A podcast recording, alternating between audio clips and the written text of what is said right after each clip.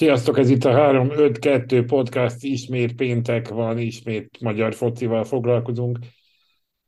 Két forduló között vagyunk, éppen véget ért, illetve még nem ért véget a felvételünk idején a 15.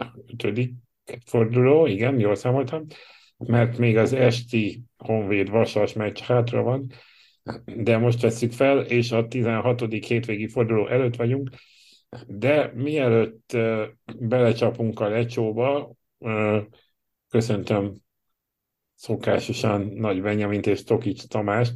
Sziasztok, fiúk, hogy vagytok pár szóban?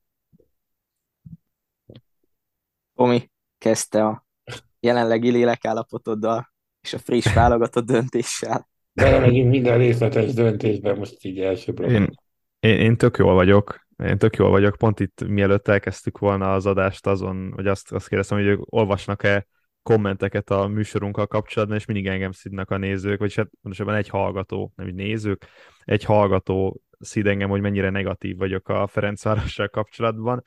Um, próbálok összefüggést keresni a Ferencváros és a válogatott játékok között, illetve talán Marco Rossi és Stanislav Csercseszov stílusok között, és akkor lehet, hogy érthető lesz az a, az a hangnem, amit igyekszem megütni mind a két csapatnál.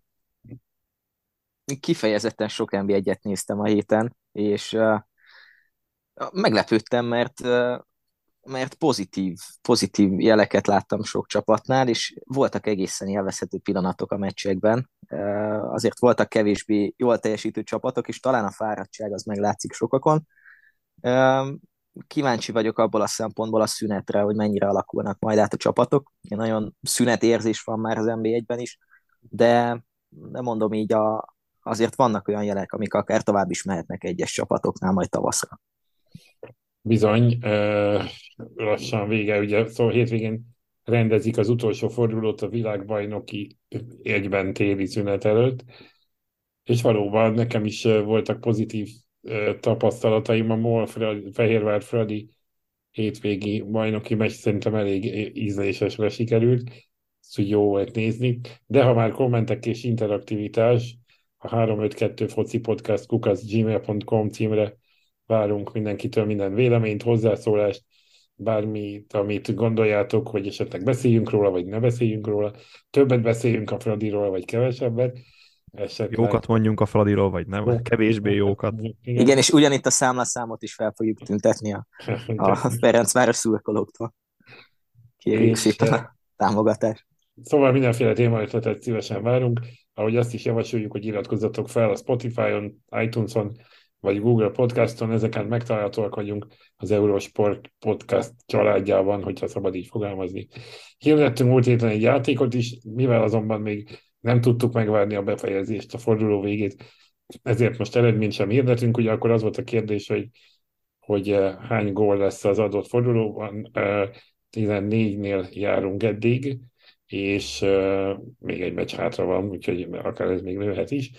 Illetve lesz majd következő kérdésünk is, de csapjuk be először, bele először az első témába, ez pedig a válogatott keret, hiszen Márko Rossi a héten kihirdette, jövő heti Liechtenstein és Görögország elleni keretét, erre a két meccsre külön keretet hirdetett, aminek szerintem a legnagyobb pozitívuma az, hogy visszatért Kalmár Zsolt a sérüléséből másfél éve, ugye az albánok elleni meccsen sérült meg.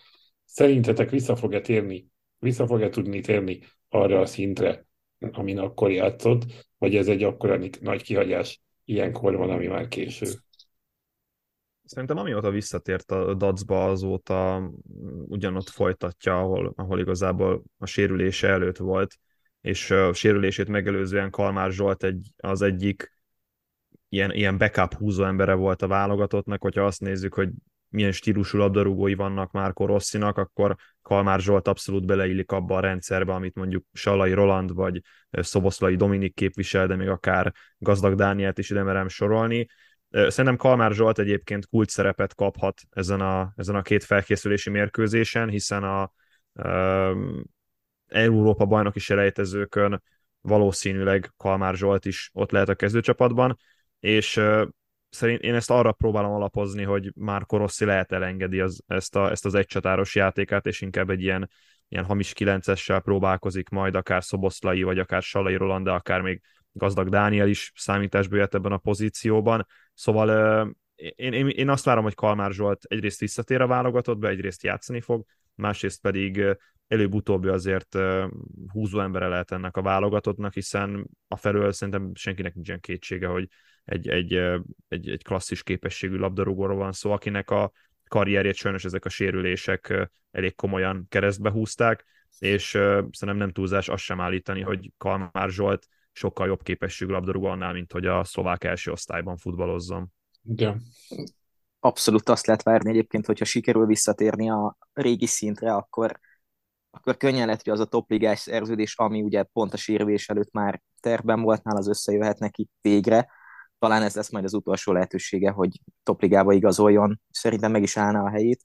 Jó kérdés egyébként, hogy a válogatott kezdőben mit kezd ezekkel a helyzetekkel már Rossi, mert, mert ugye sokat beszéltünk arról, meg sokan kommenteltek is, hogy vajon ebbe a kezdőcsapatba egy Kalmár Zsoltnak hol lenne a helye. Így, hogy Szalai Ádám visszavonult a válogatottól, így sem lett könnyebb a feladat. De talán ez a hamis 9-es poszt, ez, ez, ez gazdag és Sallai között tölhet el. És amit már Rossi nyilatkozott most a héten, az alapján ugye pont a, a hamis 9-es szóba is került, könnyen lehet, hogy inkább Sallaival fogja ezt megpróbálni. Ugye Sallai játszott már hát nem is tudom melyik meccsen, nem akarok most hülyeséget mondani, valami hasonlót, amikor Szalai Ádám éppen nem volt a kezdőben a közelmúltban. Lehet, hogy a Kalmár Szoboszlai Sallai hármas lesz egy picit előrébb. Minden esetre az sosem rossz, hogyha egy ilyen szintű játékos térhet vissza egy olyan válogatottba, ami nélküle is azért jól működött. Igen, ez, ez ebben az említett interjúban így belengeti ezt a hamis 9-es pozíciót már Rossi, ami adódhat abból is, ugye, hogy abban az interjúban azt említi, hogy Mart, Ádám Martini jó, de kiegészítő továbbra is, nem is az, hogy kiegészítő emberként, hanem akkor jó, ha, ha csereként érkezik a pályára. A bajnokságban is és a válogatottban is úgy látszott, hogy az utolsó 15-20 percre nagyon hasznosan tud beszállni. Német András pedig, aki most ugyan frissen bekerült, de azért még a tapasztalata a tap, az még nem az, mint bőven nem az, mint Szolai Ádámé volt. Ezzel viszont olyan klasszikusan tapasztaltabb, nagy nemzetközi rutinnal rendelkezőket tud betenni, ebbe a, nem ebbe, de hasonló pozícióba, akik, akikre rá lehet bízni azt a feladatot, amit Szalai Ádámra lehetett húzamosabb ideig. De térjünk is vissza akkor arra, hogy kik maradtak ki, Gulácsi és Séfer András sérülés miatt, de most végignéztem, hogy azok, akik idén be voltak hívva a keretbe, de most nincsenek, az van Csazalán, Varga Kevin, Kecskés Ákos, Sőn Szabolcs és Sarlói Dániel,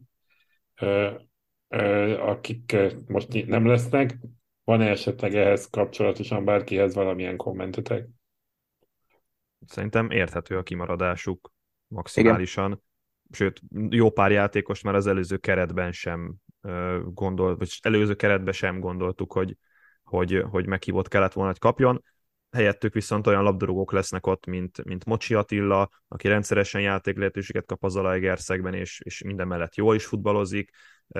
Barát Péter a Debrecenből bekerült a középpályára, és ugye az imént említett Kalmár Zsolt, aki a, illetve Német András a támadó szekcióba. Szóval Márko Rossi lehet úgy gondolkozik, hogy azok a játékosok, akik most nem kapnak elég lehet, lehetőséget, például Vancsa Zalán szinte egyáltalán nem játszik a belga másodosztályú Lommelben, Varga Kevin, Törökországban is epizód szerepet kap, Sőn Szabolcs még csak most kezdi el úgymond megtalálni a régi önmagát a, a Fehérvárnál, szóval, szóval olyan játékosokat, vagy, vagy, vagy Kecskés Ákos, aki a, a Laskban, Lasklinzben egyáltalán nem alapember, Szóval olyanokat hagyott ki, akik nem kapnak megfelelő játékperceket a klubjukban, olyanokat viszont behívott, akik alapvetően játszanak, bár talán német András egy kicsit speciális eset, hiszen ő pont most kezdett el kikopni a Henk kezdőcsapatából, és jobbára csak csereként ilyen 10-20 perceket játszik, viszont mellett egyetlen az az érv szól, hogy a jövő, jövő embere, és hogyha Szalai Ádám kaliberű futbalistában gondolkozik Márko Rossi, akkor, akkor német Andrást be kell hívnia a, a válogatott keretébe. És el is mondta egyébként Rossi, hogy picit olyan szerepet szállhat neki, mint Német András, tehát Német Andrásnak, mint Kerkez Milosnak, akit ugye hát nem feltétlen azonos a két játékosnak a, a, a válogatott beli megjelenése, de, de itt 19-re lapot húzott Kerkezzel is, és látta, hogy jól sült el, úgyhogy ha, ha német is megkapja az esélyt, akkor hasonlóan jó lehet. Illetve ugye érdekes lehet az, hogy, hogy vajon azok a játékosok, akik eddig még nem debütáltak, azok gondolok itt mondjuk Barát Péterre, azok megkapják-e most a lehetőséget legalább pár percben, hogy megmutathassák, mit tudnak. Ugye Vécsei Bálint helyett, aki megsérült Csongvai áron is válogatott meghívót kapott, úgyhogy kíváncsi a márom egyébként, és Mocsi Attilának a, a Kisvárda elleni labdaszerzéséből és gólpasszából kiindulva abszolút egy, egy, egy legalább egy fél időt én adnék, de hát nem én vagyok a szövetségi kapitány. Tehát jó formában érkezik, az biztos. Mocsi Attila egy kicsit ilyen meg nem énekelt, kellően meg nem énekelt hős, szóval, hogy úgy, hogy valahogy így több, több, több kellene, hogy róla szóljon a közbeszédben valóban, de ha már szóba került az Alegerszeg, nem tudom, Tominak hanyadik kifakadása volt egy újabb válogatott kerethirdetéskor, de, de remélem Patrik kimaradása a csapatból. Ugye e, Gulácsi sérülése miatt Dibusz Dénes az első számú kapus, az eddigi harmadik számúból lett talán második számú szappanos, bár ki tudja, hogy nem előzi -e meg őt Tóth Balázs, a Puskás Akadémia kapusa, akiről már rebesgettek korábban is, most nem jutott eszembe, nem néztem már utána, hogy őt már hívták a keretbe. Hívták. Volt, igen. igen.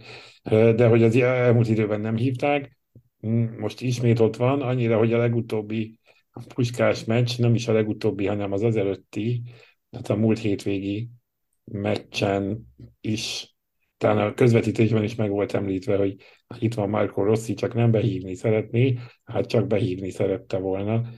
Tehát, hogy mit, mit, mit gondoltál erről, Tomi? Esetleg egy kicsit kifejtenéd. Igazából számomra az volt a meglepetés, hogy nem volt meglepetés a, a válogatott keretében, és, és kicsit ez a, ez a Tóth Balázs behívó is bebizonyítja azt, hogy Márko Rossi egy, egy mennyire kockázat kerülő szövetségi kapitány, akár a válogatási elveit nézve, akár a mm, stílusát nézve, akár a játék felépítését nézve, minden tekintetben Márko Rossi kockázat kerülő típusú edző. És ez most nem negatív stílusban szeretném mondani, hanem az, hogy neki van egy bevált elképzelése, mi szerint olyan játékosokat hív meg a válogatottba, akikkel volt már korábban valamilyen interakciója, ugye Szapanos Péter Soha. jó ideje most már harmadik számú kapus a válogatottban, igaz az utóbbi időben sérüléssel bajlódott, meg még talán legutóbbi fordulóban, hogy a Tomás Tújvel védett helyette a Honvédban, Tóth Balázs is kapott már válogatott behívott korábban, tehát ő is tudja igazából, hogy milyen légkörre számítson a, a válogatottban. Nem hiába került be, mit tudom én, Kleinheisler László, vagy, vagy adott esetben Barát Péter már harmadjára, negyedjére a keretbe, ugyanúgy Mocsi Attila is ezúttal. Szóval nem igazán dobálózik már Koroszi az új nevekkel, ami, ami részben érthető, meg részben kevésbé érthető, mert mondjuk azt a Dárdai Palkót aki, aki, aki tényleg zseniális formában játszott a, a nyár, nyár végén, ősz elején, és még azt mondom, hogy, a, hogy mellett, hogy válogatott formában volt, amellett még illene is ebbe a stílusba, amit, amit Márko Rossi próbál meghonosítani, vagy honosított meg a válogatottnál, és ő most a jelenlegi meghívót megértem, hogy miért nem, hiszen ő is azért sérült volt, nem játszott annyit, az ő száma is visszaestek a bajnokságban, többen hiányolják Tajti Mátyás behívását, amit én egyébként teljes mértékben meg tudok érteni, hogy Tajti Mátyás egy teljesen más típusú magyar válogatottban tudna helyet kapni, de például így került be Csongva Járon, aki, aki számomra egy új név volt, és én meg is lepődtem, amikor, amikor néhány perccel itt az adásunkat megelőzően jött a hír, hogy Vécsei Bálint sérülése miatt Csongva Járont hívja meg a válogatottba, aki egy abszolút új név, Szóval Rossi ilyen egy, egy-kettő, nagyon maximum három puzzle darabot próbál meg beilleszteni a nagy képébe, és, és, és szerintem van az, hogy a válogatott ezért nem fog sosem előrébb lépni mondjuk támadóbb stílusú futballra, vagy labda, vagy domináns stílusú futballra, mert Márko Rossz is alapvetően ugyanazokban az emberekben próbál meg gondolkozni, mint, mint az előző ciklusban, mint az azt megelőző keret hirdetéskor, és ez, ez, ez mondom, ez abból fakad, hogy Rossi kockázat kerülő pasas. Ugyanúgy, ahogy egyébként Stanislav Csercseszovistát félreértés ne esik, a magyar válogatott, meg a, meg a Ferencváros idei szereplése az egy, az egy tényleg egy hatalmas pozitív kilengés az utóbbi évtizedeket nézve, viszont amellett, hogy el kell ismerni őket, amellett szerintem kell élnie egy kritikai vonalnak is, és ebben a kritikai vonalban például meg kell említeni, hogy mind Márko Rossi, mind pedig Stanislav Csercseszov egy, egy, egy igazából korlátolt merészségű edző, amit részben megint mondom meg lehet érteni, részben viszont nem lehet megérteni, hiszen mind a kettő edzőnek olyan játékosai vannak, akikkel egyébként lehetne egy sokkal bátrabb, sokkal támadóbb stílusú futballt meghonosítani. És akkor, ha ez, ez probléma a Ferencváros vagy, vagy magyar szurkolóknak, akkor elnézést kérek tőlük, viszont én, én ezekkel tényeket szeretnék közölni, hiszen nem mondható el sem a Ferencvárosról, sem a magyar válogatottról, hogy ilyen hatalmas támadó stílusban játszanak, vagy ilyen nagyon nagy változatosság lenne egyébként a csapatban, tehát mondjuk ezért fakadtam ki egy kicsit, hogy múlt héten a Ferencvárosban nem játszott fiatal játékos, csak Dami Regic az utolsó percekre állt be, ilyen nem tudom, hosszabb időhúzó csereként tudták nagyjából beküldeni Csercseszovék. Szóval ezt azért kérem számon, mert szerintem lehetne sokkal kockázatosabb, vagy kicsit talán kockázatosabb lehetne, mint már Koroszi egyrészt a válogatási elvében, másrészt a játékában, és Csercseszovra pedig ugyanezeket a jelzőket tudom elmondani. Kicsit hosszú lett, bocsánat, meg nagyon szertágaszó volt, remélem, hogy Benji nem, kap, nem, nem aludt el itt időközben, és, és tud még valamit hozzáfűzni ehhez igyekeztem nem elaludni, mert azon gondolkoztam közben, hogy vajon mi lehet annak az oka, hogy, hogy ilyen kevés lapot mer húzni Rossi, és ha megnézzük azokat a játékosokat, akik, akiket úgymond fiatalként vagy újabb játékosként hívott be, gondolok itt Csongvaira, Mocsira, Barátra, azt is lehet mondani, hogy mind-mind olyan játékosok, akikben van valami, valami vagányság, vagy valami plusz. Gondolok itt arra, hogy Csongvait, amellett, hogy azért ebből az Újpestből mondhatjuk, hogy felfelé lóg ki ebben a félszezonban, mert azért küzd, hajt, és talán a hozzáállásával tesz uh, hozzá inkább a játékhoz, és leginkább emiatt a hozzáállás, meg emiatt a, az akarat miatt hívta meg őt Rossi. És ha megnézzük, akkor a válogatottban vannak olyan játékosok, gondolok itt például kapásból Séfer Andrásra, akik pont a, a szívük, meg a hajtásuk, meg az akarásuk miatt lettek egyrészt a, a válogatottnak kulcsemberei, alapemberei, igen, másrészt pedig másrészt pedig azért szerintem Schäfer András karrierjének nagyon nagy pluszt adott az, hogy, hogy lett önbizalma, és lett egy olyan egészségesen jó önbizalma, ami alapján most a Bundesligában az első háromban álló Union Berlinnek a kulcsembere tud lenni. Másrészt pedig azért, ha megnézzük Mocsi Attila, Barát Péter játékát, szintén van valami plusz, valami, valami vagány az ő játékukban. Lehet csak annyi, hogy hogy ebből az NBA-ből egy-egy merészebb húzással, jobb passzal, jobb meglátással, bátrabb szereléssel, bátrabb fizikai kontakttal egyszerűen a többiek fölé tudnak lőni, nőni. Ebből a szempontból mondjuk, akit én hiányolok, bár szintén talán az a helyzet, mint Dárdai Parkónál, nem sérülés miatt, de Varga Barnabásnak a, a formája, az őszi formája talán egy picit visszaesett, de, de lehet, hogy megérdemelt volna egy, egy behívót a keretbe mondjuk, hogy kinek a helyére azt, azt nem nagyon látjuk, vagy találjuk, illetve, illetve tényleg jó kérdés, hogyha, hogyha meg lesz ez a mag, mert most már beszélhetünk egy, egy 25-26, 28 fő stabil magról a válogatottban, akkor kik lesznek azok, akik kimaradnak majd a, a selejtezőkre, mert lehet, hogy nehezebb lesz összeválogatni azokat a játékosokat majd akkor, és ez is jó kérdés, hogy most felkészülési meccsre meccsekre, barátságos meccsekre hívjuk össze a válogatottat, vagy félig meddig már arra is, hogy, hogy jövő márciusban azért csak indulnak a selejtezők. Inkább is-is verziót érzek most. Aztán, hogy Zsuzsák Balázs majd csapatkapitányként vezeti ki a válogatottat a görögök ellen, az már megint egy másik kérdés. Szerintem inkább utóbbi amúgy, már bocsánat Andris, tehát szerintem inkább az utóbbi, hogy ő már a ő már az Európa bajnoki selejtezőkre készül ezzel a kerettel, ezért sincsen annyi változtatás.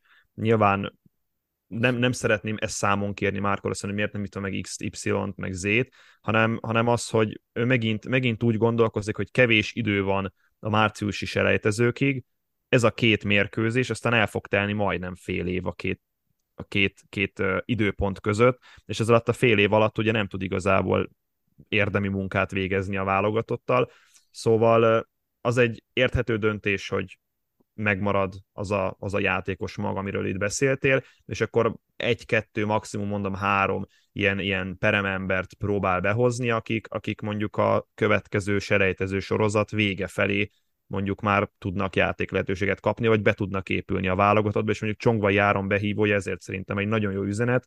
Egyrészt a magyar bajnokságba is be lehet kerülni jó teljesítménnyel, másrészt pedig ő egy, egy, egy, egy univerzális játékos, tehát ő tud játszani belső védőt, jobb, jobb szánvédőt, belső középpályást, ez, ezeket a játékosokat pedig Marco Rossi imádja, tehát elég itt Loic Négóra gondolni, Callum Stiles-ra gondolni, Fiola Attilára gondolni, ezek, ezek, a, ezek a több poszton bevethető futbalisták, ezek, ezek így mondjuk nem csak Rosszinak, nagyon sok edzőnek a, a fétise, és Csongva járon ebbe tökéletesen beleillik.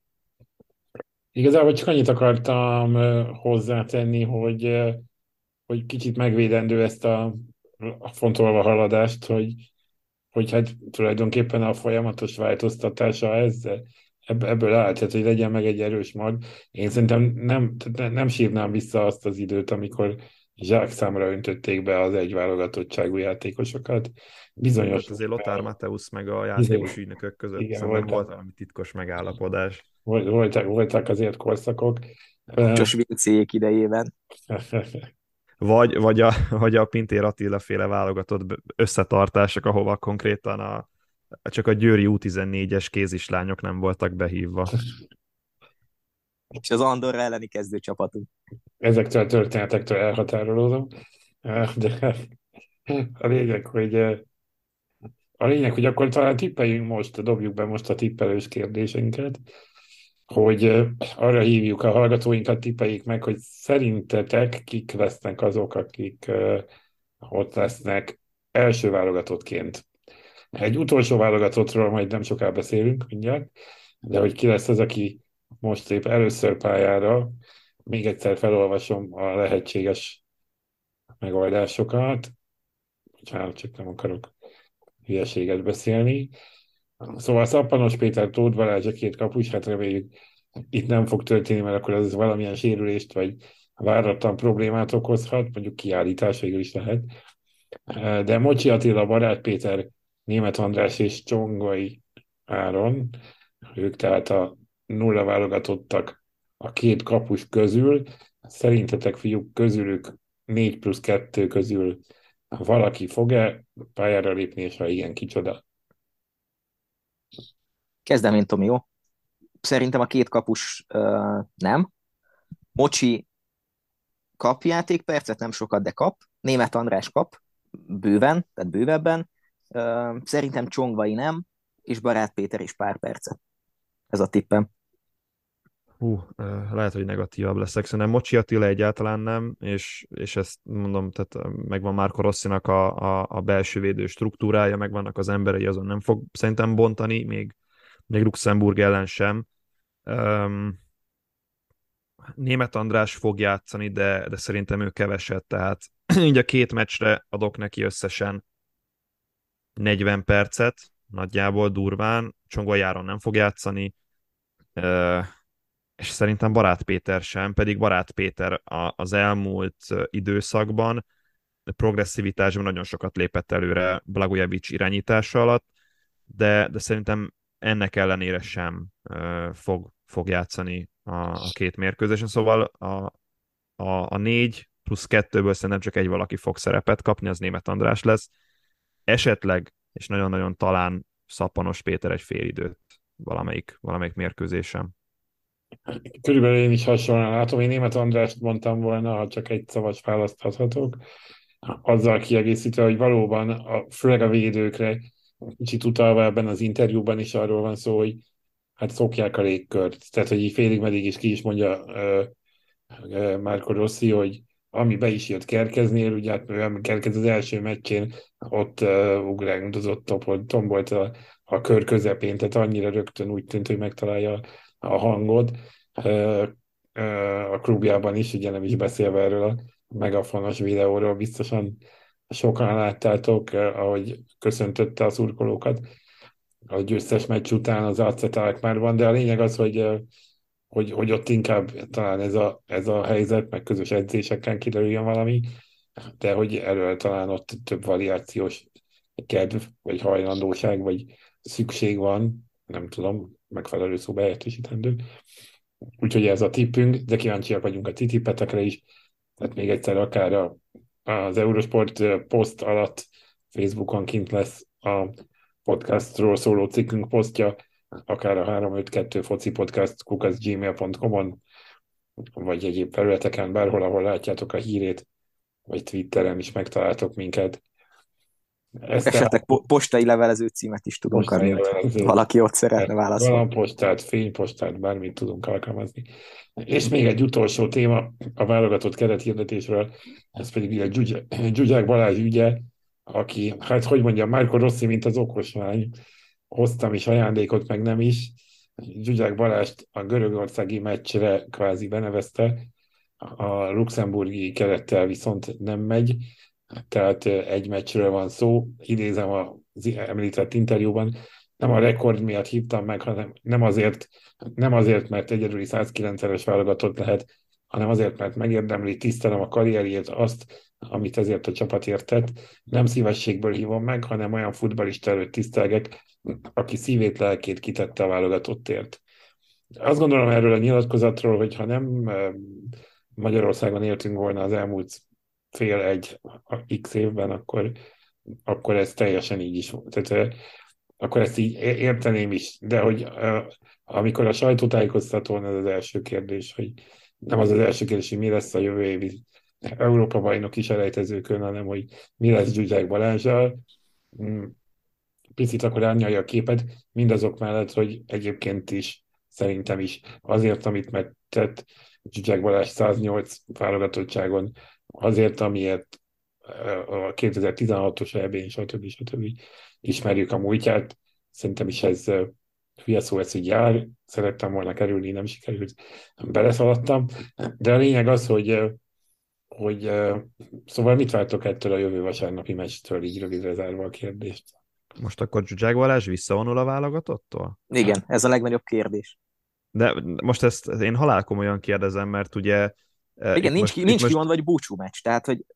Igen, igen, nekem, Meg nekem ő ez, azt nyilatkozta, hogy a jövőben folytatná, ha lehetne. Hát így, így van, tehát ő azt mondta, hogy nem zárkóznál a többi lehetőségtől, hogyha, hogyha válogatott lenne, de, de akkor, akkor ez most egy búcsú meccs, vagy egy, vagy, tehát, hogy, tehát nincs kimondva az, hogy visszavonul a válogatottól, és nekem ezért nagyon visszás ez az egész. Nem azért, mert tényleg Zsuzsák Balázs ne érdemelné meg a karrierje során, vagy a karrierje alapján, hogy, hogy, hogy legyen egy ilyen, ilyen eseménye. Csak egy, csak egy kicsit én ezt most így furcsának érzem, hogy, hogy, hogy rendben behívják, meg lesz a 109. válogatottsága, de egyébként jó, de amíg Márko Rossi a kapitány, te el tudod képzelni, hogy bármikor is válogatott lesz azután? Nem, nyilván nem. Hát most nem az, tehát, tehát félrejtés ne essék, Zsuzsák Balázs, lényegtelen, hogy mennyi gólt rúg, mennyi gólpasztal a válogatottban, egyszerűen eh, abba, abba a stílusba, amit, amit a magyar válogatott játszik, nem illik bele, és, és ott van a másik ilyen példa, Gyurcsó Ádám, aki a, mind, a, mind a ciprusi bajnokságban jól teljesít, mind az Európa Ligában jól teljesített, ugye a konferencia ligába fognak majd a Lárnekával a, a, a playoff körben ö, meccsezni, tehát ő is egy olyan játékos, aki, aki klasszikus szélső, viszont a klasszikus szélsőnek nincsen létjogosultsága ebben a válogatottban. Zsuzsák nem elég jó ahhoz szerintem, hogy, hogy a Sallai Roland, Szoboszlai Dominik Kalmár Zsolt gazdag Dániel kvartettet fel tudja törni, és pláne, hogy vannak nála tényleg olyan, olyan labdarúgók, akik ebben a pozícióban mondjuk sokkal inkább bevethetőbbek, Dárdai Palkó, Sön Szabolcs, és tényleg ezt a sort Vancsa Zalántól kezdve, nem is tudom, Varga Kevinig lehetne folytatni a világ végéig. Szóval, szóval Zsuzsák Balázs Márko Rossi alatt nem lett volna még egyszer válogatott, de most akkor, akkor mondjuk ki, most visszavonul vagy sem. Ugye Szalai Ádám Szalai Ádámmal kapcsolatban én, én azt a jelzőt hoztam, hogy méltóság, és nem véletlenül hoztam elő ezt a jelzőt, vagy ö, ö, hogy, hogy, hogy méltóság, mert, mert ő méltósággal búcsúzott a válogatott karrierjétől, tényleg a csúcson hagyta abba, ha azt nézzük, ö, Nemzetek Ligája A csoport, két top mérkőzés, két top ellenfél ellen, míg, míg Zsuzsák Balázsa nem tudom elmondani ugye ezt a méltóságot, tényleg lehet, hogy Márko Rossi ezt, ezt szépítette, meg hogy megérdemelte, vagy, vagy hogy most ez, nem tudom, tisztelgés a karrier előtt, de, de, de, ez, de ez minden csak nem méltóságos lezárás a Zsuzsák Balázs válogatott karrierjének, ha ez a lezárása, még egyszer mondom. én egy picit ebből a szempontból féltem ezt a történetet, és félek attól, hogy nem lesz ez egy happy end. Meg arra is kíváncsi vagyok, hogy egyáltalán így milyen felállásban megy ki a válogatott a görögök ellen. Tehát, hogy kinek a helyén fog játszani Zsuzsák. Szerintetek amúgy kinek? Most egy tippet kéne mondani. Nyilván majd a következő adásban jövő héten fogunk erről még beszélgetni, de, de most én nem nagyon látom, hogy hol vagy, vagy, vagy ki helyett. Ugye ez tükörszélsőt játszik most Blagojevicsnél, tehát most megint kikerült a szélre, korábban középpályás volt, nagyon nehéz, nagyon nehéz ezt mondani. A, a nemzetközi szintől nagyon messze van Zsuzsák Balázs középpályás játéka. A nemzetközi szintől nincs olyan messze Zsuzsák Balázs szélső játéka, viszont jelen esetben ez a válogatott nem játszik szélsőkkel, valami biztos, hogy vala három támadó valamelyikét fogja átvenni Zsuzsák Balázs és, és adott a kérdés, hogy hogyha jól játszik, és, és illene ebbe a rendszerbe passzolna, akkor Marco Rossi mit tudna erre mondani? Szóval, szóval nem, rengeteg kérdés van ezzel kapcsolatban, és nekem nagyon-nagyon ilyen keszekusza ez a Zsuzsák történet, amellett, hogy még egyszer mondom, megérdemli a, a, a karrierje alapján, csak, csak, csak ez bennem ilyen, ilyen, ilyen, ilyen, ilyen nagyon felemás érzéseket hoz elő. Nem tudsz elképzelni egy három csatáros eh, játékot a görögök. Hát vagy felmegy Rossi 4-2-3-1-be, és akkor... Én, én, én, is azt érzem, hogy, Aha, hogy itt az öt, ötvédős rendszert meg fogja bontani Rossi valamelyik meccsen. És ez lehet, hogy épp a görögök ellen lesz lehet, hogy épp Zsuzsák miatt. Csak tudod, ez, ez, meg, ez meg nem illik bele Márko Rosszinak, a, tehát akkor, akkor, számol, akkor, viszont, ja. akkor viszont valóban számon lehet kérni. Tajti Mátyás behívását, Demien Patrik behívását, eh, Dárdai Palkó behívását, és fel lehet sorolni azokat a játékosokat, akik pont a rendszer eh, váltása miatt, vagy Gyurcsó Ádámot, mert ők pont a rendszer miatt nem nincsenek behívva a válogatottba, szóval... Eh, szóval Jó, de te most olyat kérsz számon, tehát hogy bocsánat, de amit szabad Jupiternek, tudod, tehát hogy ő, neki ez egyszer van, ez egyszer fel lehet borítani a... Na de ez az, hogy nem tudod, hogy egyszer van. De, de most rajta kívül, már bocsánat, nem tudom, hogy ez szabad így, de rajta kívül mindenki úgy gondolja, hogy egyszer van. Megkérdezték őt ebben a műsorban, a rádió műsorban, egy vicc műsorban, hogy szerintem mi lesz akkor, ha majd három gólt ő, ő ezt komolyan gondolta, ezt a kérdést, és azóta ezen rugózunk. Tehát, hogy, hogy én azt gondolom, hogy ha megkérdezel tíz hallgatónkat, abból 9 és fél azt fogja mondani, hogy ez a búcsú meccse. Egyébként meg Szijjártó Péter is azt mondta, hogy 109-110, szóval én, én, én mondom, tehát hogyha már van 109. válogatott, csak miért nem 110? És, és teljesen jogos a kérdés. Igen, és szóval, tényleg, tényleg ott és, a és mi a garancia kérdés... arra, hogy, bocsánat, szabad ne feled, de mi a garancia, hogy Marco Rossit nem rúgják ki mondjuk egy gyenge EB, ne legyen így, egy gyenge EB selejtező eredmény miatt, és a következő kapitány meg számítana Zsuzsák Balázsra, tehát... Akit elbúcsúztattunk akit elbúcsúztattunk így Jó, van, hát tehát a, a, a, a halottat támasztjuk fel a sírból. Igen, de, de lehet, hogy, lehet, hogy még itt a következő napokban ki lesz mondva, hogy, hogy akkor ez a búcsú meccs is kész. Tehát, tehát én, én vártam volna egyébként egy reakciót Zsuzsáktól a, a behívó után. Néztem az Insta oldalát, sztoriban osztott meg, mint régebben, ugye zászló, szívecske, tehát a, a szokásos történet, ami, amivel teljesen minden rendben van, csak csak közben meg vártam volna egy reakciót, és pláne, pláne úgy, hogy így a csapatkapitányos interjú az egy picit elsikadt. Tehát azért az sem mindegy, hogy most a padról beszáll a 89. percben, és akkor kap egy hatalmas tapsot, vagy könnyek között elhagyja. a mérkőzésen, én azt, igen. én azt olvastam, és, és hogy Márko Rossi, Márko és Rossi, kapitányként, igen. igen. igen. Hogy csapatkapitányként vezetheti ki a válogatottat a igen. görögök elleni mérkőzésen, talán Márko Rossi így is fogalmazott, szóval Ja. Igen, és valószínűleg nem, nem az lesz. Percben lecserélik. Na most igen, igen, igen, igen, pont ezt akartam mondani. Valószínűleg igen. nem ez lesz, de, de igen. No, hát még egy hét a következő adásunkig előttünk áll, árgusan figyeljük a híreket ezzel kapcsolatban is, illetve utána még pár nap, 20-án játszik Magyarország, Görögország ellen a Puskás arénában, aznap, amikor megkezdődik a világbajnokság. Ugye ez a hét a kerethirdetések hete, a legtöbb válogatott keret ezekben a napokban hirdeti ki a csapatát, és NB1-et szorosan követőként figyeljük különösen a marokkói és a tunéziai keretet, ahova várjuk, vártuk a Mai testvéreket, illetve a Lajdunit.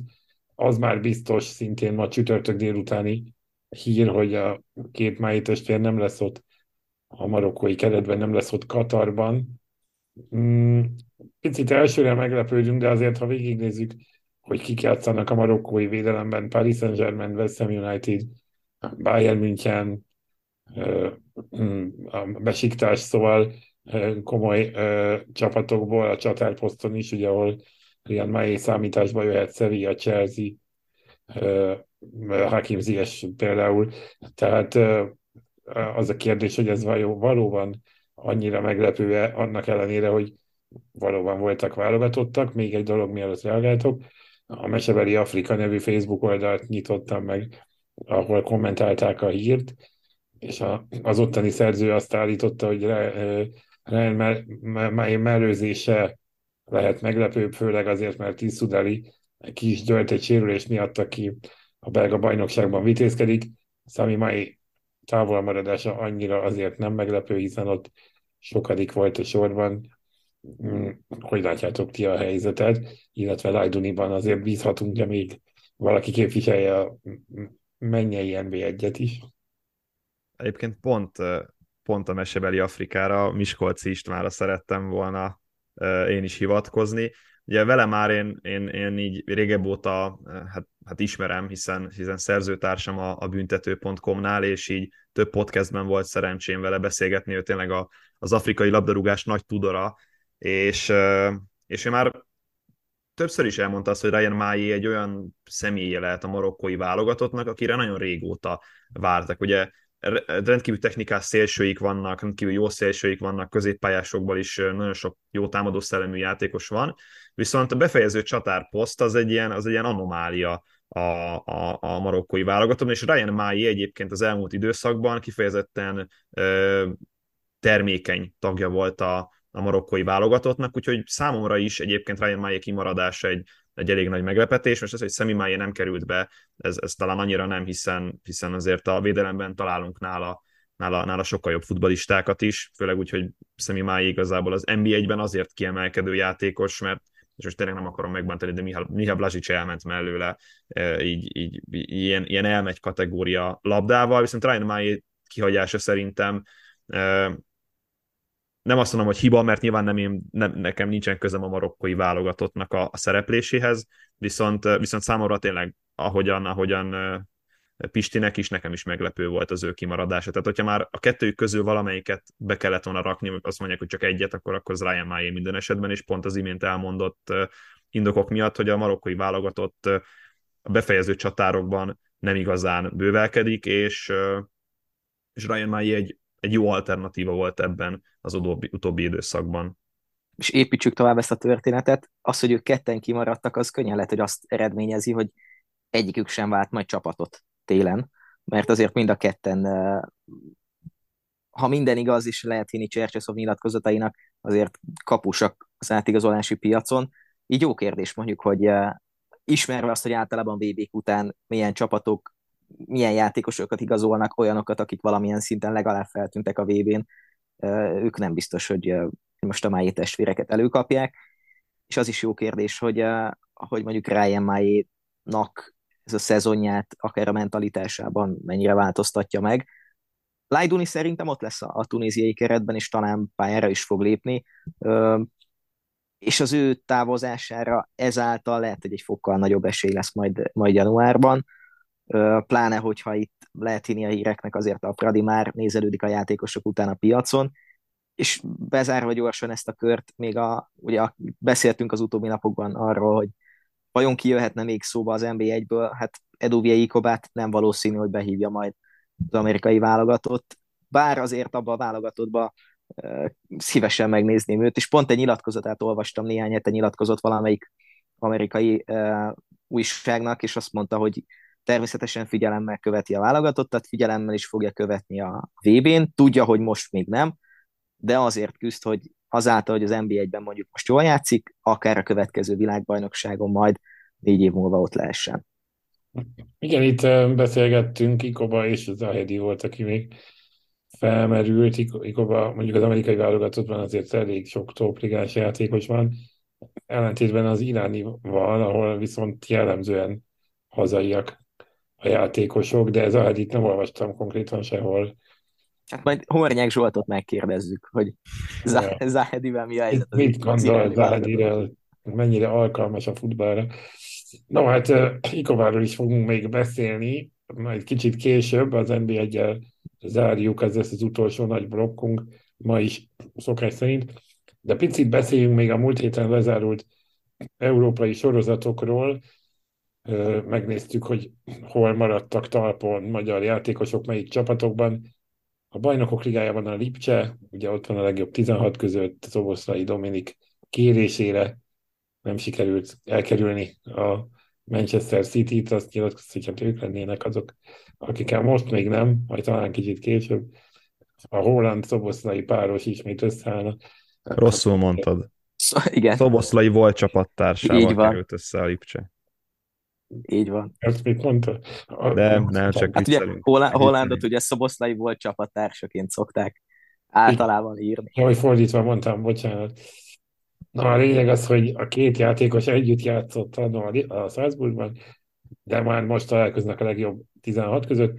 Az Európa Ligában Union Berlin az Ajaxot kapta a legjobb 32-ben, a Fenerbahce Szalai Attilával, illetve a Freiburg pedig Sarróival a 16 között van, és az Európa Konferencia Ligában is van néhány csapat, hát Szalai Ádám visszatéréséről egyelőre nem tudunk, de ha esetleg visszatér a Bázelbe, akkor a Trabzonsporral játszanak februárban a 32 között.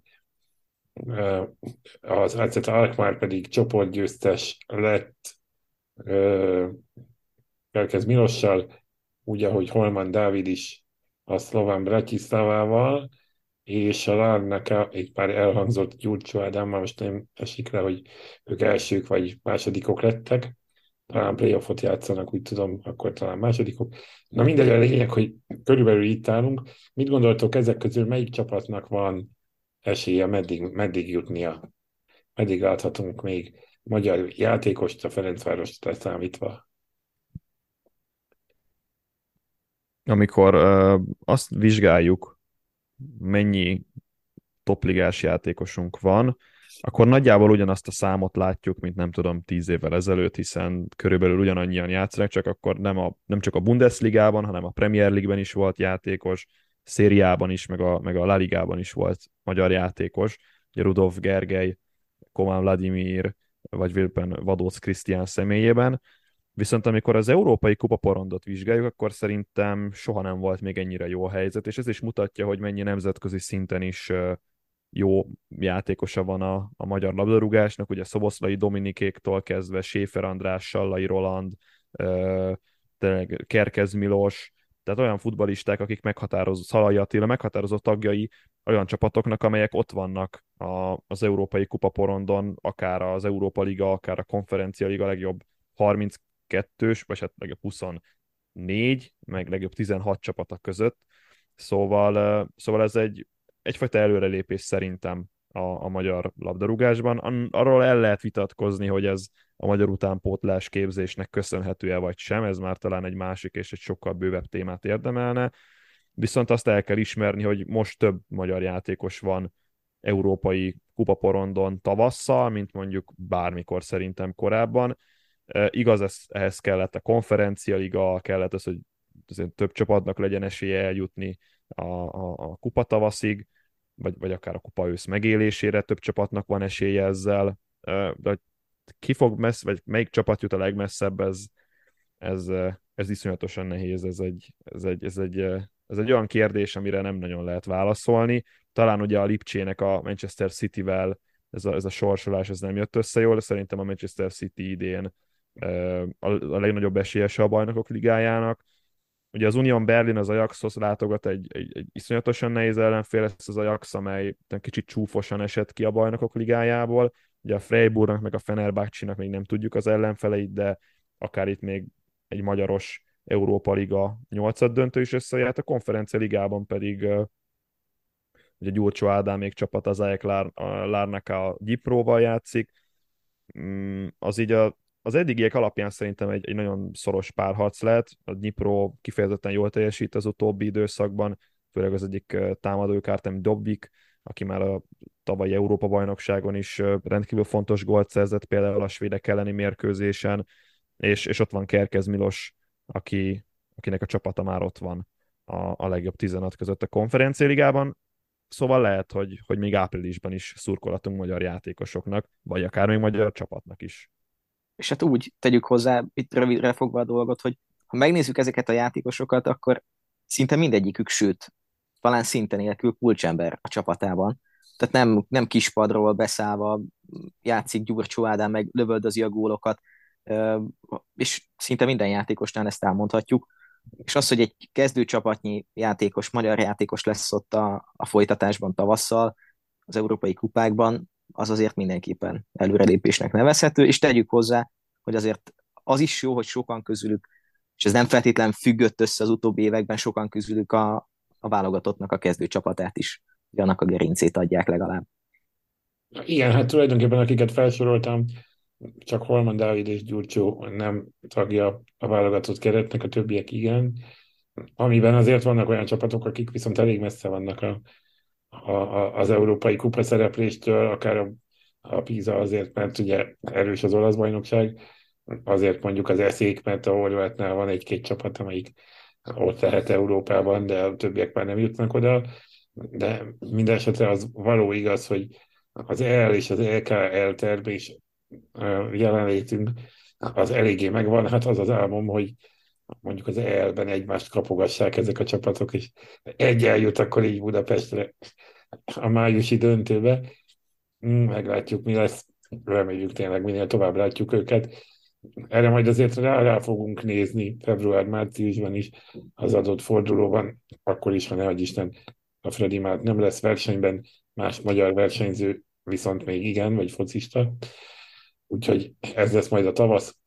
Addig is azonban most az utolsó bajnoki fordulók zajlanak. Ugye a hétvégén rendeztek egyet, volt, illetve van még, zajlik egy csütörtök délután veszik fel az adást, tehát csütörtök este még egy záró meccs a, a hétközi fordulóból, és a 16. fordulóval zárul az NBA, tehát majdnem a feléig eljutottunk az ősszel, még így is, hogy korábban zár a szezon, mint ahogy általában szokott a világbajnokság miatt. Mielőtt rátérünk azonban a meccsekre, csak itt jegyzem meg, hogy jövő héten lesz utolsó idézőjelben normális adásunk uh, idén, de tervezünk néhány interjút, néhány ilyen külön kiadást mondjuk így, ami, amit majd a, amit majd a, a válogatott szünetben, vagy hát majd a januári visszatérés meglátjuk, hogy hogyan folytatjuk a rendes adást. Szóval jövünk néhány adással, nem feltétlenül hetente, de valamilyen rendszerességgel, meghívott vendégekkel készülünk, úgyhogy figyeljétek majd a híradásainkat, adjuk a hírt és hozzuk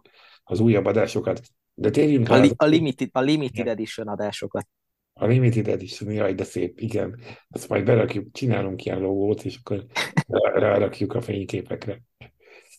Szóval, de akkor térjünk a meccsekre, elsősorban a hétközi forduló, ahol uh, voltak azért érdekességek, de ha esetleg a múlt hétvégi fordulókról van hozzászólni valótok, ezekbe fogunk most csemegézni, visszamenőleg és előrefele is, most nem, nem részletezzük az egészet. Talán a, a, a, a legnagyobb meg, meglepetés, az így nem biztos, hogy jó szó, de a legfurcsább eredmény volt ez a Kisvárd, ez a Legerszeg 0-3, hiszen a Kisvárdától megszoktuk, hogy erős, ott van az élvonalban, a következő meccsét meg is nyerte, aztán nem, nem az előzőt nyerte meg, bocsánat, a Puskás ellen még hétvégén, majd kedden kikapott egy, kapott egy hármast otthon a Zalegerszektől. A másik, amit kiemelnék, ez a, ez a Ferencváros Paks 3-2, ahol fordulatos volt a meccs, a Paks elég jól haladt, az utolsó pillanatban volt még esélye a győzelmet is megszerezni, de a hosszabbításban végül a Freddy talált be, és nyert 3-2-re. Ez volt szerintem a hét két legérdekesebb meccse. Hogy láttátok ti ezt, vagy esetleg kiemelnétek mást? Igazából a Zetének a játéka, hogy Julian Jenner fogalmazott a meccs után, a transition és ilyen szép angolsággal ejtettem, mert ő is így, így mondta. Szóval abszolút, abszolút kiaknázták a Kisvárdának a, a stílusát. Az volt a helyzet, hogy volt szerencsém megnézni ezt a meccset. Abból a szempontból tényleg szerencsének lehet mondani, hogy a, az Etinek a játékát az öröm volt nézni, és általában sokszor kiemeltük, hogy öröm nézni ebben az őszi szezonban, most is az volt. Jól játszottak, bátran játszottak, támadólag léptek fel, és, és itt mondta Török László a meccs utáni nyilatkozatában, hogy a, a várdai frissítés a, a hétvége és a hétközi forduló között az nem nagyon jött össze. Megcseréltek ugye 5-6 játékost, abban bíztak, hogy a frissebbek tényleg frissebbek lesznek és jobban tudnak játszani, ehhez képest 15 perctől eltekintve a második félidő elején gyakorlatilag semmi. Semmit nem mutattak abból, hogy ők Európai Kupában szerepeltek, nem is rosszul ebben a szezonban. Illetve hát a Fradi Paks kapcsán talán amellett, hogy egy, egy fordulatos meccs volt, nem is maga a meccs, hanem az azutáni nyilatkozat, ami, ami igazán megmarad. Ugye Waltner Robert mondta el a véleményét eléggé őszintén arról, hogy, hogy milyen helyzet a várral, milyen helyzet a vizsgálatokkal, a, azzal, hogy egyáltalán a csapatok ugyanúgy vannak-e súlyozva ebben a bajnokságban az ilyen döntéseknél. És hát azt is elmondta, hogy ez a csapat nincs gödörben, és ha megnézzük a mutatott játékot, az eredményeket, mondjuk így az utóbbi meccsekről, akkor tényleg ezt lehet mondani. Aztán majd jó kérdés, hogy vajon itt Pakson mi lesz a jövő, és esetleg majd a jövő év elejét azt kivel kezdik el. Ugye Bognár György visszatérését lehet hallani, egyre többen rebesgetik. Jó kérdés, minden esetre ez a nyilatkozat, ez, itt beszéltük is pont az adás előtt, ez, ez egy picit olyan furcsán, vagy, vagy túlzottan őszinte volt, nem a megszokott volt, nem a megszokott nyilatkozat volt NBA egyes edzőtől. Nem, de, de valamilyen szinten érthető, vagyis igen, próbálom, abszolút. próbálom megérteni, vagy próbálom onnan megközelíteni, ahonnan, onnan Waltner Robert is megközelítette a, az interjújában, hogy a, a, a játékvezetés az még továbbra is egy szubjektív dolog. Tehát nincsenek kőbevésve azok a szabályok, hogy mi a, mi a szabálytalanság és mi nem szabálytalanság, illetve valamilyen szinten igen, de, de van egy hatásköre a játékvezetőknek, amin, amin belül ők, ők bíráskodnak. Nyilván máshogy bírál el egy, egy magyar játékvezető mondjuk egy szituációt, mint lehet egy angol játékvezető, és, és talán egy kicsit kevésbé megengedőbb a magyar, vagy, vagy pont fordítva, lehet, hogy a magyar játékvezető az, amelyik sokkal inkább engedi a kemény játékot, és, és, és talán kisebbre torziót ad egy-egy egy szituációban. Ugye a VAR még továbbra sem dönt el szituációkat, vagy továbbra sem dönt uh, játékvezető helyet, mindössze egy, egy alternatívát, egy lehetőséget ad a játékvezetőnek, hogy nézze újra a szituációt, és, és uh, talán bírálja felül a, a döntését. Na most uh, ezeknek, a, ezeknek az elbírálása, vagy ezeknek a felülbírálása, ez megint csak egy szubjektív dolog. Ha a játékvezető úgy látja a, a szituációt, nem kell érte piros lapot adni, vagy nem kell érte büntetőt adni, akkor nem fog. Ha úgy látja, akkor büntetőt fog adni, és ezt még egyszer mondom, tehát nem kell most, most tényleg nem akarok nagy példákat hozni, de, de Magyarországon belül a játékvezetőknek van egy külön-külön stílusa, és emiatt nyilván lehet Waltner Robert egy kicsivel dühösebb, de, de szerintem ehhez már hozzá lehetett szokni az elmúlt években, hogy, hogy mondjuk Erdős József más, máshogy vezeti a mérkőzéseit, mint, mint, mint Bogár, vagy, vagy, vagy nem tudom, vagy mint Berke Balázs. Most csak mondtam pár, vagy Cirkelbach Péter, tehát most mondtam neveket. Nincs két ugyanolyan stílusú játékvezető, és és ezt el kell fogadni, még hogyha adott esetben az edzők szerint ez, ez mérkőzéseket is befolyásol. Én egy kicsit visszább mennék az időben, és én nem ebből a hétközi őrületből emelnék ki mérkőzést, hanem a hétvégi Fehérvár-Ferencváros rangadót, amely vége tényleg rangadó volt, és tudom, hogy a szezon legjobb mérkőzése, vagy szezon legjobb mérkőzését hozta. A Fehérvár tényleg konkrétan az első félidő nagy részében lefociszta a Ferencvárost, és nagyon nagy most, és most nem negatív dolog miatt mondom ezt, hanem tényleg egyszerűen jobban játszott a Fehérvár a Ferencvárosnál, és, és nagyon nagy szerencséje volt a Fradinak azzal a, azzal a büntetővel, amit a videoasszisztens segítségével fújtak be a, a, a, a mérkőzésen. Puszti Szabolcs munkája szerintem egyébként egy pozitív irányba halad, és és abszolút még, még az Újpest elleni vereség ellenére is azt gondolom, hogy Pusztinál van egy fejlődési folyamat, amit, amit még a Debrecen időszakát követően lehet megfigyelni, és az, hogy a Fehérvár eddig nem szerepel olyan rosszul, vagy, vagy talán játékban előrébb tudott lépni, még talán az eredmények nem jönnek, de, de hogyha hosszú távon nézzük ezt a folyamatot, akkor, akkor ez egy sikeres projekt lehet Muszti Szabolcsal. Kicsit a, a, a tegnapi kifagadását nem értem, vagy hát szerda esti kifagadását nem értem, de, de, ez, de ez a hétvégi Ferencváros elleni mérkőzés, ez, ez nagyon jól nézett ki, és végre volt egy csapat, amely játék alapján nem csak az Újpest, de fel tudta venni a kesztyűt a Ferencvárossal, és most azt is úgy értem, hogy az Újpest játékban veszi fel a kesztyűt a, a Fradival, minőségben már nem. Igen, a Fradi minden esetre visszatérve erre a Fehérvári meccsre, két meccs alatt három ilyen mázli pontot szerzett mindennek, mindazok ellenére, hogy nyilván ott volt a toppon, meg be kellett lőni azt a gólt, meg összejött ez a győzelem tegnap is hogy szerdra este is a Paks ellen, de hogy az elmúlt két fordulóban azért úgy Fortuna fogta a kezét.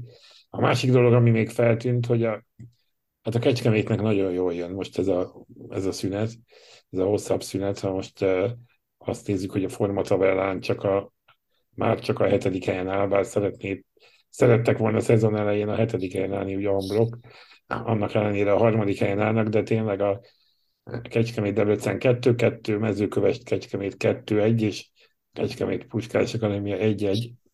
Ez volt az utolsó három meccsük, ami magában nem hangzik rémesen, de az kicsit ér, azt érezni, mintha kifulladt volna most így, vagy fáradna, inkább azt mondanám, fáradna a szezon végére a csapat. Meglátjuk, hogy meg tud-e újulni. De nézzünk előre fele, és akkor ezzel zárjuk a mai adást. Hozunk egy-egy meccset az elmúlt, vagy az előttünk álló fordulóból. Péntek este most sincs találkozó, hmm, szombaton játszanak két meccset, és vasárnap szintén két, három, három és három meccset, egész pontosan, tehát kétszer három. Ezek közül egy, egyet egyet emeljünk ki. Bencsi, te mit választottál? Én a két olyan csapatnak a meccsét, akik egyaránt kikaptak itt a hétközi fordulóban, ugye a Vidia Kisvárdával játszik, nagyon kíváncsi vagyok arra, hogy amit Kovács Dániel nyilatkozott az Újpest elleni meccs után, hogy egy olyan csapattal találkoznak a Kisvárda személyében, akikkel papíron a szezon elején azt gondolták, hogy ők majd harcban lesznek akár itt a, nem azt mondom, hogy a második helyért, minden esetre a dobogóért. És hasonló dolgot várok egyébként egy picit ettől a mestől, mint a, a Fradi elleni meccsétől a Vidinek, hogy, hogy egy jó ellenféllel szemben, egy jól szervezett, jól összerakott ellenféllel szemben sokkal jobban tud játszani ez a csapat, mint egy papíron kvázi gyengébb ellenféllel szemben. Ilyen szempontból, ha már itt hoztuk a párhuzamokat a klubcsapatok és a magyar válogatott között, vagyis a Fradi és a magyar válogatott között, egy picit, mintha ezt is lehetne érezni a Fehérvárnál, az utóbbi, hát azt mondom, hogy hónapok alapján, hogy a, a jobb csapatok ellen, mondjuk a Fradi ellen általában azért jól szoktak játszani, a meccsek nagy részében a, a papíron gyengébb csapatok ellen pedig, pedig nem tudják azt hozni. Úgyhogy kíváncsi vagyok arra is, hogy a Kisvárda vajon meg tud-e újulni, ez a frissesség, ez mennyiben játszik szerepet valóban. Minden esetre én ezt, ezt a meccset ajánlanám, és azt mondom, hogy, hogy ez egy több gólos meccs is lehet, nem csak egy unalmas mondjuk 0-0 vagy 1-1. Ez a vasárnap kora délután, egész pontosan fél kettőkor amit én hoztam, ott is várhatóan benne van a sok gól a meccsben. Ez a Paks Újpest szombat délután négykor. Ugye a Paks 5 gól, öt gólos meccsen van túl, az Újpest három gólos meccsen. Mm, viszont az Újpest idegenben annyira nem jó, úgyhogy arra leszek leginkább én kíváncsi, hogy a, tegyük idézőjelbe a paksi lejtmenetet, tehát a lejtmenetben lévő Paks otthon egy kicsit ismét magára talál-e, vagy pedig az emelkedő, a rendületben lévő Újpest torpan meg attól, hogy idegenben játszik, ugye legutóbb Debrecenben, Mezőkövesden és Zalaegerszegen is kikaptak, hat gólt kaptak a három meccsen, bár igaz, abból Debrecenben volt egy négyes, de az látszik, hogy, hogy most már nem fogjuk többször elmondani, hogy az adás előtt beszélgettük, úgy tűnik azokat kellene fölvennünk, amiket adás előtt beszélgetünk, Mindenesetre tényleg ezt beszélgettük adás előtt, hogy az Újpest ugyan a számai nem annyira jók, meg a formatabellán, meg most is utolsó előtti helyen áll, de mégis picit, mintha jobb lenne ránézni a játékára, mint egy kicsit olyan ö, kompaktabb lenne, kicsit ö, talán, mint a, a, a, megjött volna a játék, kedvez így hülye hangzik, de a lényeg az, hogy olyan mentálisan úgy tűnik, mintha jobban egyben lenne a csapat. Egy idegenben lévő meccs viszont ez gyakran elveheti a kedvüket, és ezért annyit még hozzátennék ez a Paksi nyilatkozathoz, vagy Walter Robert nyilatkozatához, hogy a, a, azt említette, hogy ezt a gödört hallja folyamatosan, mindenki csak arról beszél, hogy a Paks gödörben van, de amikor szárnyalt, akkor senki nem szólt. Lehet, hogy minket nem hallgat, mert mi beszéltünk róla, hogy a szezon elején jól ment a Paksnak, és hogy azért az elmúlt néhány hétben annyira nem. Én azért szeretném, annak ellenére, hogy nem titok, hogy én a Újpestnek szurkolok, de hogy én azért szeretném, ha lenne egy jó paks, úgyhogy nem azt mondom, hogy most kellene nyerniük, de általában nyerjenek. Minden esetre az biztos, hogy ezen a meccsen én is sok gólt várok, és erre leszek, mondom még egyszer kíváncsi, hogy, a, hogy az Újpest idegenben is megtalálja azt a formát, amit a Megyeri úton általában meg szokott találni. Tomi, te milyen meccset hoztál nekünk? Szerintem amire senki nem számít, a Puskás Akadémia Debrecen rangadót. Ugye a Puskás Akadémiánál Hornyák Zsolt minden meccs után interjújában lecseszi az egyik játékosát. Most, hogy éppen ki lesz, az majd a Debrecen ellen fogalmam sincsen, viszont nem lesz egy könnyű találkozója a felcsútjának, mert ugye a Debrecen így nem Blagojevic irányítása alatt nem is megtáltosodott, de egy sokkal attraktívabb, sokkal jobb futballt játszik. Zsuzsák Balázs tényleg sziporkázik, Barát Péter egy nagyon nagy húzás volt, hogy kicsit fentebb lett rakva, vagy úgymond nagyobb szabadságot adott neki. Blagojevic, szerintem a, a, a többi játékos, Sós Bence, vagy, vagy Szécsi Márk, Dorian Babunski, ők is, ők is kiemelten jól futballoznak, vagy, vagy például Varga József, és úgy néz ki, hogy a védelem is most már kezdi összekapni magát, és, és nem tudom, például az Újpest elleni mérkőzésen is csak egy gólt kaptak, legutóbbi találkozott lehozták gól nélkül a mezőkövesd ellen, jól lehet, hogy a mezőkövesd nem a legjobb fokmérő ebben az összevetésben, de a Debrecen ellen igazából folytathatja azt Blagojevic csapata, amit, amit szeret, már pedig labdával dominálni és minél több helyzetet kialakítani. A Puskás pedig csinálhatja azt, amit szeret, ezt kihasználva kontrázik, és a tranzíciós játékokat, hogy egy ilyen idegen szóval Julian Jennert idézve jó tudjon lenni a Puskás Akadémia. Szóval egy, egy amellett, hogy egyébként egy valószínűleg, és, és ez, a, ez a realitás, a unalmas mérkőzés, lehet egy, egy kifejezetten szórakoztató, sok helyzet, sok, sok gólos találkozó. Ami elronthatja, mondom, ezt a mérkőzést, az a, az a, az a Puskás Akadémia kicsit, kicsit gyámoltalan stílusa, de, de a Debreceni részről mindenképpen egy, egy, egy, egy, egy iramdiktálós mérkőzést várok, és, és könnyen elképzelhető, hogy vagy legalábbis én azt várom, hogy a Debrecen nem csak, hogy meglepi a Puskás Akadémiát idegenben, hanem le is fogja győzni. Hát a Puskás Akadémia fele annyi pontot szerzett az elmúlt öt meccsen, mint a Debrecen. A három tíz pontos csapat van, ha csak az elmúlt öt fordulót nézzük. A Ferencváros mellett a Debrecen és a mezőköves. Hát ezt így szeptember elején nem láttuk jönni, hogy így pestiesen szólják. szólják. Az biztos, hogy ez a két csapat eléggé megtalálta saját magát, úgyhogy valóban érdeklődéssel várjuk, hogy a Debrecen azért mégiscsak mondhatni azt, hogy meglepi felcsúton a Puskás Akadémiát, de, de valóban benne van a pakliban. Úgyhogy ezeket a meccseket várjuk kiemelten az NBA egy utolsó fordulójában. Jövő héten azonban jövünk még, beharangozzuk a, illetve kielemezzük az egyik, és beharangozzuk a másik válogatott mérkőzést, illetve a héten lesznek újabb érdekes infók, hírek, amiket kommentálhatunk, azokat kommentáljuk, ahogy tettük eddig is. Hallgassatok addig is sok podcastot, nézzetek sok focit, sziasztok! Sziasztok! Sziasztok!